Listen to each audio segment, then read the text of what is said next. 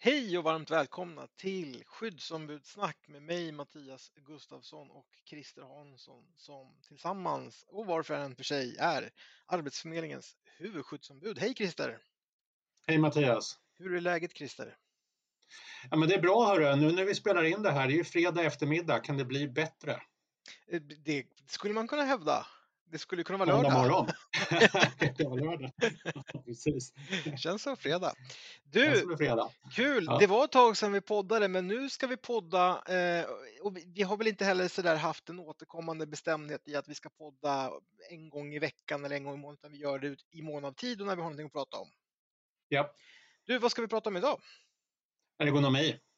Ja, så här. Vi har ju eh, tillsammans med ett par skyddsombud eh, på Arbetsförmedlingen haft en ergonomigrupp för att under pandemins effekter, hemarbete, vad händer med oss? Eh, och då har vi valt att i skyddsombudsnätverket ha en ergonomivecka.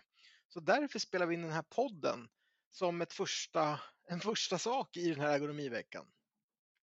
Ja, jag måste säga att den här gruppen som vi träffade, ergonomigruppen som du och jag bjöd in till, den var ju otroligt bra för att vidga perspektiven om ämnet ergonomi. Verkligen.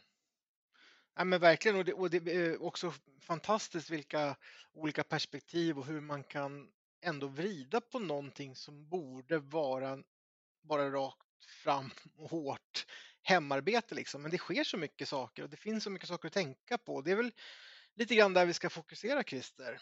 Eh, mm. Men, men, du om vi börjar i änden med hur, hur har du haft det och hur har du det? Du är ju lite grann så att du har varit van att fara och flyga och kanske inte haft eh, en ordinarie arbetsplats på det sättet. Så att, hur har det här, det här året med pandemin utifrån ett arbetsmiljöperspektiv varit för dig Christer?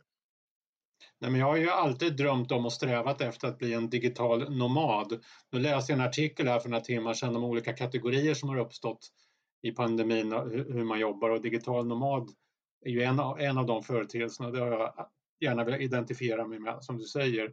Jag har ju attraherats av det här att eh, vara rörlig och leverera kompetens där jag befinner mig medelst en dator enbart och inte ha papper och grejer runt omkring mig.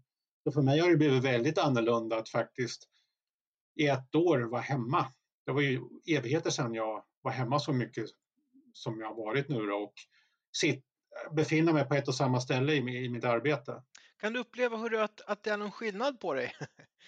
Om du tänker dig från ett, för ett år tillbaka sedan och den Christer du är nu, har du liksom gjort förflyttningar i hur du har tagit an en arbetsdag eller en arbetsvecka? Absolut.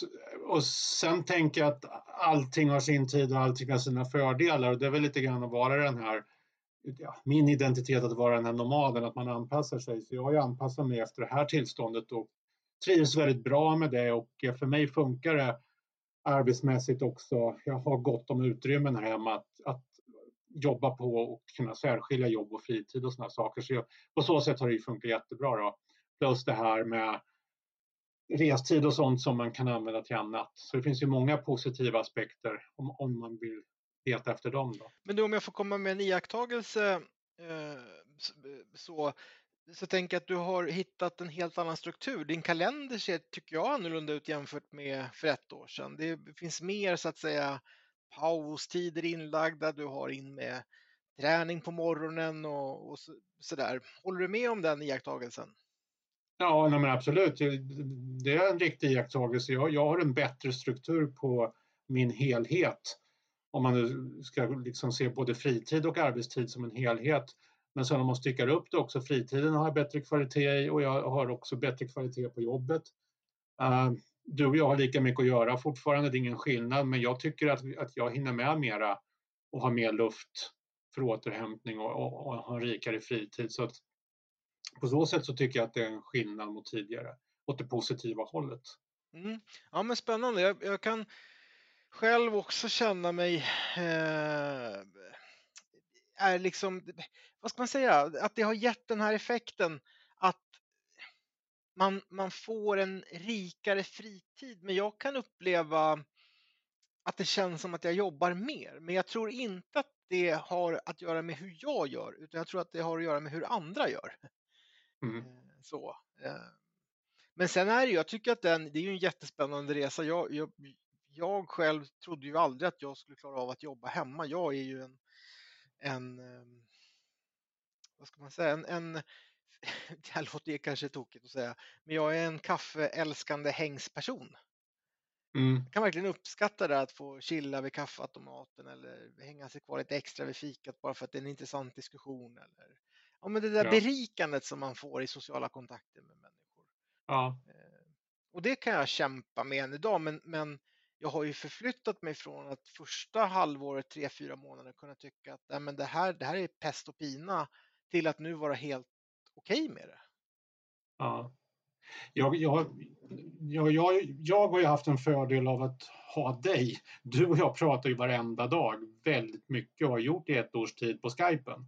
Jag funderar ibland på, för det vet inte jag, det kanske jag borde tagit reda på hur det är för andra kollegor om man har lika mycket. Jag upplever ju då där som du säger Mattias, det här kaffehänget, chillet. Du och jag pratar ju väldigt mycket of, ofta om det mesta. Så att på något sätt så händer det via Skypen ändå. Vi, vi har ju varandra att bonda med. Ja, men verkligen. Men Ja. ab- absolut, så är det ju. Men sen kan jag också, just det här, jag vet inte, jag har, jag har aldrig liksom mänsklig beröring och kontakt eller ta i hand och sådär, det har inte rört mig så mycket. Jag tror att jag kommer ihåg att jag pratade med dig förut för ett väldigt bra tag sedan, det här med att krama människor.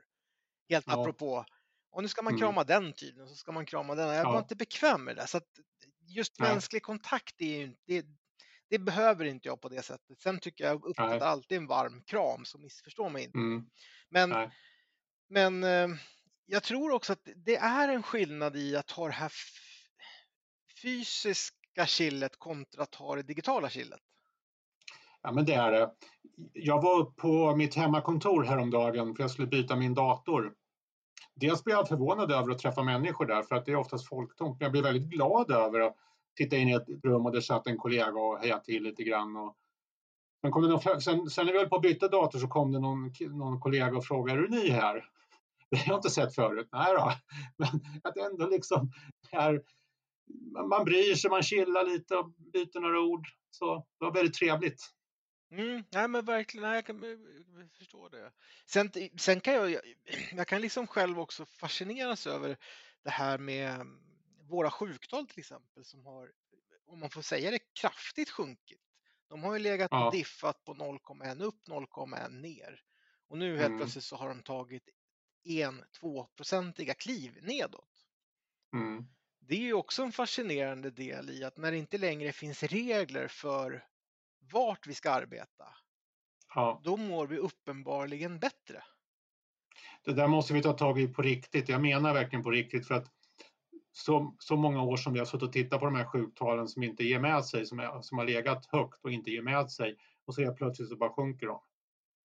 Vad var det vi inte förstod när vi försökte göra den anal- analysen? Ja, Och, vad, kan vi förstå, vad kan vi förstå nu? För det är otroligt viktigt att ta vara på den effekten. Ja, och, fram, och, och också den här liksom lite grann som jag aldrig har förstått varför man inte förstår. Och det är ju kvinnor och mäns skillnader i sjuktal. Mm. Eh, eh, en gång i tiden på Arbetsförmedlingen så skulle man kunna räkna statistiskt sett att om du var utav det kvinnliga könet så skulle du kunna räkna med en sjukskrivning om du var en på tio tror jag inom hundra dagar eller sånt där. Mm. Eh, helt galet. Eh, och, och det, det fanns aldrig någon riktig förklaring förutom att man hela tiden återkom och skyllde på att så här är det i samhället. Ja, Eh, men uppenbarligen så har sjuktalen och skillnaderna mellan, mellan könen någonting att göra med arbetsplatsen. ja det, är nog, det är nära till hands att tänka i de banorna. Men du, när vi lägger den här breda mattan kring hur har det varit under året och, och så där, vad har det med ergonomi att göra egentligen? Hur, hur skulle man kunna tänka där?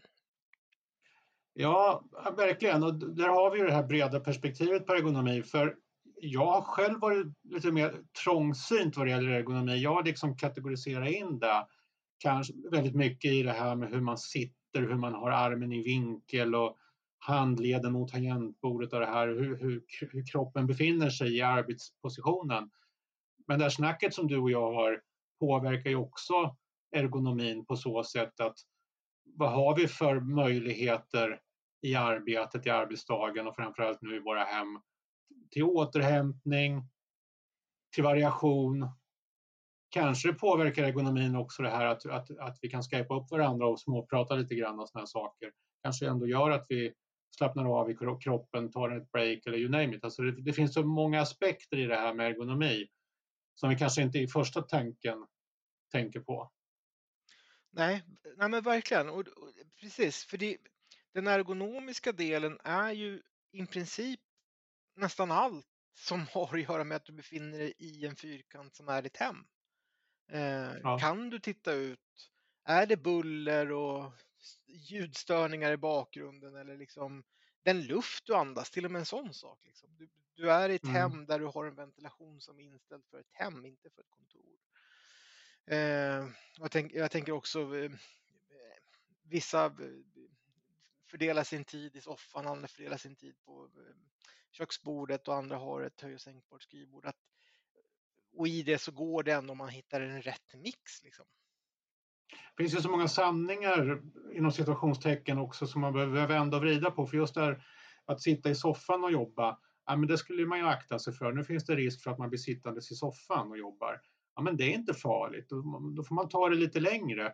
Det är farligt att sitta i soffan och jobba för länge varje dag och inte variera sig. Soffan kan vara ett utmärkt sätt att variera sig om man har suttit som jag vid mitt köksbord ibland så kanske soffan ändå någon timme ger den här variationen som jag behöver. Och också anpassat till just den arbetsuppgiften som jag har. Ett höj och sänkbart skrivbord, skulle man kunna hävda Christer att det är en investering för att öka produktionen? Vilka svåra frågor du ställer Mattias. Ut, och, ut, utifrån perspektivet att du, du, du, låter människan vara kvar på en och samma plats därför att då kan den variera sin ställning där. Den behöver inte förflytta ja. sig eller gå ut på en promenad eller vad den kan vara. Ja, men, ja, men så är det ju. Alltså det, det är ju tanken med höj och sänkbart att få den här variationen vid en och samma arbetsplats. Idén att ja, men jag har en gång i tiden hade vi lite permar också. Det finns väl fortfarande de som har permar och papper ligger på skrivbordet och är beroende av det. Den här arbetsytan. Och det är klart att kan jag höja och sänka den så att jag kan stå och sitta och jobba så är det en fördel. Vilket då ökar produktionen för mig. Precis, och, och det är det här tror jag någonstans vi, vi har fastnat i. Vi, vi har tagit jättestora steg när det kommer till hur vi har tagit oss an liksom förflyttningen att bli kanske mer den här digitala nomaden. Men, men vi är kvar i, tror jag, eller många av oss som man generaliserar är kvar i tanken om att jag behöver ha ett höj och sänkbart skrivbord. Ja. Och där tror jag att vi, vi har inte kommit lika långt i vad det är vi förväntar oss att en arbetsplats ska vara. För att du skulle ju in, i teorin kunna vara ute och gå samtidigt som du jobbar. Men det, där är det fortfarande kanske lite förbjudet. Det kanske är fortfarande lite, nej men jobbar du verkligen då om du är ute och går? Eller om du hänger tvätt samtidigt som du är med på ett möte och aktivt lyssnar för att du vet att du klarar av det. Jobbar mm. du då verkligen? Ja, men verkligen, det var ju också ett sånt här tabu. Det var soffan som var farlig. Risken fanns att vi skulle hamna i soffan.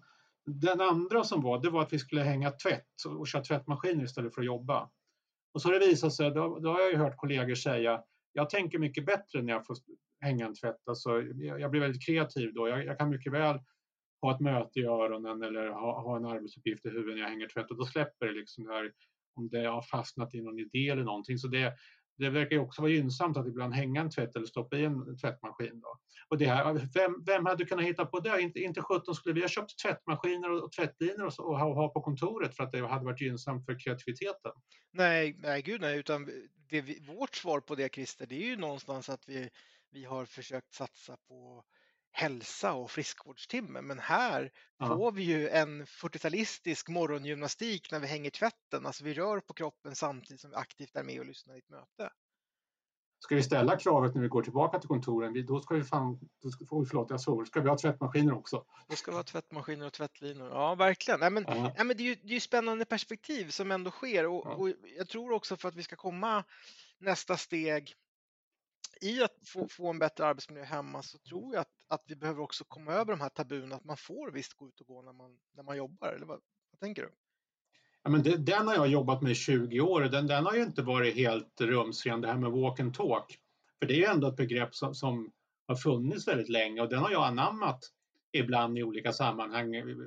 Kollegialt, att man går ut och tar en promenad istället för att sitta inne och snacka eller något möte eller om jag har varit gruppledare för någonting, att kan vi inte ta en walk and talk? För det, det är också väldigt gynnsamt, det vet man. Och ändå så är det inte liksom socialt accepterat på en arbetsplats där normerna är åt ett annat håll. Trots att det är gynnsamt och produktivt. Normerna, normerna har, tror jag, för det här är också en, en spännande grej Christer, det är ju att vi försöker fika på samma sätt som vi gjorde tidigare. Vi har försökt kopiera så som vi hade det på kontoret, så ska vi också ha det hemma. Mm. Så vi har de här gruppfikan och jag tänker att, att fika på Skype, det är, det är väldigt svårt. Ja. Det, alltså just att liksom veta när är det min tur att prata eller eh, att jag ser att alla ler åt det jag säger eller den här liksom, eller det där, oj, nu behöver jag rätta till det jag sa. Och så där. Den känslan får man ju inte riktigt. Även om det är ett väldigt bra substitut så har vi ju mer eller mindre bara helt random översatt att fikar vi på kontoret då kan vi minsann fika hem och då gör vi det via Skype. Ja. Men vi kanske behövde tänka till ett steg längre och tänka att nej, men nu ska vi lotta så att vi får en variation i vem vi fikar med och vi har en och en fika. Liksom. Ja, verkligen. Och, jag menar, precis, att, att det passar formatet. Det jag har sett som lyckade exempel och det är på mitt hemmakontor, tror jag det kommer ifrån. Jag blir lite osäker på, men det är också att man gör produktioner. Alltså, Skypen är ju på något sätt ett media, ett medium. Och så gör man produktioner, alltså två kollegor kanske den här veckan pratar om sina bästa recept. Alltså sådär, man gör någonting mer produktionsartat, alltså man skapar någonting annat som, som passar formatet bättre. Än som du säger att man försöker fika tillsammans eller ha en AV via Skypen. Det går väl det också, men, ja, men quiz har, ju, har, jag, har jag hört funkar bra. Det är många som tycker det är roligt och såna grejer. Att man liksom anpassar aktiviteten efter mediet. Mm, ja, men, och, och verkligen, och, och jag tänker också vilka möjligheter det finns när vi är då hemma i, i att ha andra utbud, till exempel att någon erbjuder pinngymnastik, någon annan erbjuder zumba eller någon annan säger att Nej, men vi sätter bara på en skiva och är i samma rum eller vi låter ett, mm. ett, ett, eh, ett chattfönster alltid vara öppet så att vi kan gå in och skriva en rolig, ett roliga skämt eller vad det kan vara. Alltså, det finns ju helt mm. andra varianter än mot när vi var på ett kontor och på ett sätt tvungna att söka upp det sociala. Jag var tvungen att titta dig i ögonen för att säga det här skämtet. Visst att jag kunde skicka ut en, ett fredagsskämt eller en rolig bild på mejlen och sådär. Det, det, kunde ju ske. Mm. Men nu har ju det också förflyttats, tänker jag, på, på ett helt annat sätt. Och återigen så knyter vi ihop ämnet kring just ergonomi därför att vi behöver ju också då samtidigt eh, tänka ge möjlighet att skapa utrymme för att kunna ha god ergonomi. För att jag tänker att ha en walk and talk, Christer, eller bara en walk and listen, då behöver ja. det vara till exempel bildspelsfria möten, men vi har ju, kan ja. uppleva, ökat bildspelsfrekvensen. Ja, precis. Vi får ju för oss att när vi har det här mediet, att men då måste jag ha ett bildspel. Det blir en norm det också. Uh, banden den som inte har ett bildspel till sitt anförande, den är rökt. Men det går ju. Ja men verkligen, det går verkligen och, och, och likadant liksom att också kunna förbereda och någonstans ge ett godkännande för att ja, men, vara ute och gå på det här mötet. Det är helt okej. Okay. Det, jag tror också att vi behöver komma vissa steg längre. Du, en intressant sak apropå det här med att vår arbetsplats numera är hemma och inte heller är byggd för att vara ett kontor utan mitt hem är ju ett hem. Ja. Eh, det är ju också att jag har andra människor i det här hemmet. Mm. som inte är kollegor eller jobbar. Det ger ju också andra konsekvenser. Jag tänker på som idag hade vi möte, du och jag, och så helt plötsligt så kommer mina barn hem. Ja. Och då blir det buller och ljud och, och sådär. I början av pandemin och hemarbetet, då var jag väldigt liksom, stressad över det där och tänkte att Nej, men nu får ni vara tysta. Mm. Eh, men nu har jag ju försökt acceptera det där också mer. Att liksom, nej men jag kan ju inte ha en åsikt om ifall de är låter eller inte, det är ju deras hem också. Det är ju deras arbetsplats lika väl som det är min på det sättet. Ja, och det är hundar och det är katter. Precis, och där kom det en som katt i bilden. Ja, precis det. Ja. ja. Ja. Och, och, och, det där tror jag också att man behöver man behöver hitta sig själv i det där och känna sig trygg i att hemmet, så här gör jag när jag jobbar och då är det okej att det här händer. Aha. Det är en viktig del. Jag kan fascineras över när vi sitter i möte och det är några stycken i mötet och någon sitter hemma och dess respektive sitter hemma och sköter sitt jobb. Alltså där sitter två människor och sköter varsitt jobb, kanske helt olika ämnesområden och sådär. Men ja, det, det är det läget vi är och de, de två behöver ta hänsyn till varandra och vi till dem och allt det där. Men som du säger, vi bör vänja oss vid den både synbilden och kanske ljudbilden också. Verkligen. Du, ett annat perspektiv som slår mig nu när vi pratar, det är ju också de signaler du och jag får eh, att medarbetare helt plötsligt upplever att de har chefer som har utöver ett nära ledarskap, fast det är på distans. Ja. ja. Hur kan man tänka kring det? Dels så, så, så, får man ju en bild av att, vad ett nära ledarskap är för någonting. Det, det kanske är nära till hands att chefen ska vara fysiskt nära. Så var det på mitt hemmakontor, mitt lokalkontor. Alltså, vi definierar nära ledarskap med att chefen skulle vara på plats. Befinna sig i lokalen och vara lätt tillgänglig när man behövde det. Och det, den definitionen kan man väl ha. Ett annat sätt men, att definiera nära ledarskap är att chefen bryr sig att den är tillgänglig men, men, men helt omöjligt att finnas i det fysiska rummet just nu. Då, men min, min chef är tillgänglig ändå när jag behöver det. Och tvärtom, den kanske gör sig tillgänglig ibland och hojtar till. Hur har du det? Ja men verkligen, för jag tänker också just det där, det som den andra sidan utav myntet Christer, det är ju att man kan uppleva att en chef har ett nära ledarskap, men då krävs det också att jag ger någonting tillbaka. Eh, ja. Att jag som medarbetare signalerar att Nej, men du, nu har jag bara fått ont i axlarna eller jag har, har haft, dragit någon huvudvärk här eller jag, jag känner inte att jag kan få till min arbetsställning eller position eller jag har ingen bra, bra ställe att arbeta på. Där tror jag att vi också hamnat helt plötsligt i ett annat läge i vad vi vågar prata och ska säga till, vår, till våra chefer som, som vi måste göra som medarbetare. Och jag tror ja. inte att det är lika lätt därför att vi är helt plötsligt i, i en annan miljö där sådana här saker tidigare i kontor har skett per automatik. Vill jag ha en ny roll ja. så får jag det. Ja. Och så vidare. Så att, där tror jag också att vi behöver ta fler steg än vad vi har gjort hittills. Kan man tänka så? Eller det... håller du med om den, den sägningen? Nej, men det, det, kräver ju mycket mer av var och en av oss. Att, att berätta, alltså vi, chefen kan inte läsa tankar. Det är väldigt få chefer som kan läsa tankar i alla fall. Det kanske finns en och annan som gör det, men det gör ju att var och en av oss måste ju berätta för chefen hur vi har det, vilka behov vi har och vad vi önskar för någonting. Det är inte samma sak som att chefen ska uppfylla alla våra önskemål eller gå oss till mötes i allt, men vi behöver på ett helt annat sätt själva ge bilden till chefen om hur vi har det på jobbet.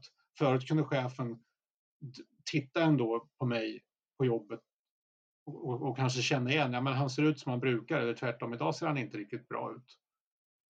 Och ställa några frågor. Men det, det, det där blir ju jättesvårt för en chef idag, utan det, det, det är ju den här att både chef och medarbetare bidrar till kommunikationen och ger varandra det man behöver i information för att det ska funka.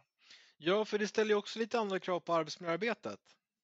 Ja. Vi kan ju inte längre gå runt med ett protokoll som vi har gjort tidigare på de fysiska skyddsronderna i varje persons hem. Dels utifrån det olämpliga i, med tanke på att det är en pandemi och smittorisken och just för att vi sitter hemma. Mm. Men jag tror inte så många heller kanske vill släppa in vem som helst i sitt hem, för det är just sitt hem. Eh, ja. Så det kräver ju verkligen det här att man kan beskriva, att man kan förstå, att man är uppmärksam på signaler. För det är, det är ju inte heller helt säkert att att vi, vi, har den kunskapen som medarbetare i oss att vi ska hålla koll på de här grejerna. Så det, vi har hamnat i lite andra situationer, lite andra lägen som jag tror medarbetare generellt sett inte är vana vid och som också ställer andra krav på då just arbetsmiljöarbetet och hur vi frågar och vad vi frågar om. Ja, framförallt att jag tänker också att vi behöver ha en god relation till chefen. Att, så vi inte blir hämmade eller rädda för eller undviker att prata med våra chefer utan tvärtom ta det där samtalet om det behövs. Ett för mycket än ett för lite. Ja, och jag tänker också i den rollen som du och jag har, Christer, skyddsombud, då, det är ju också en väldigt utmanande del. Därför tidigare så kunde man vara ganska säker på att de allra flesta medarbetarna hade antingen en säker arbetsmiljö eller en otrygg arbetsmiljö. Det fanns ja. väldigt sällan någonting däremellan. Nu har du egentligen då i en sektion 20 olika arbetsplatser att förstå hur de ser ut och vad chefen har gjort och inte gjort och vad medarbetarna har sagt och inte sagt. Det jag brukar tänka det är ändå att i bästa fall så är våra hem trygga och säkra just för att det är våra hem. Så i det perspektivet kan jag som skyddsombud, jag, kan, jag, jag försöker dra en slutsats, ja, men det är säkert, det, det är tryggt och säkert. Sen, sen, kan det finnas undantag. Men sen kommer man ju in på det här återigen med ergonomi och sådana här saker. Och, alltså förutsättningarna för att arbeta.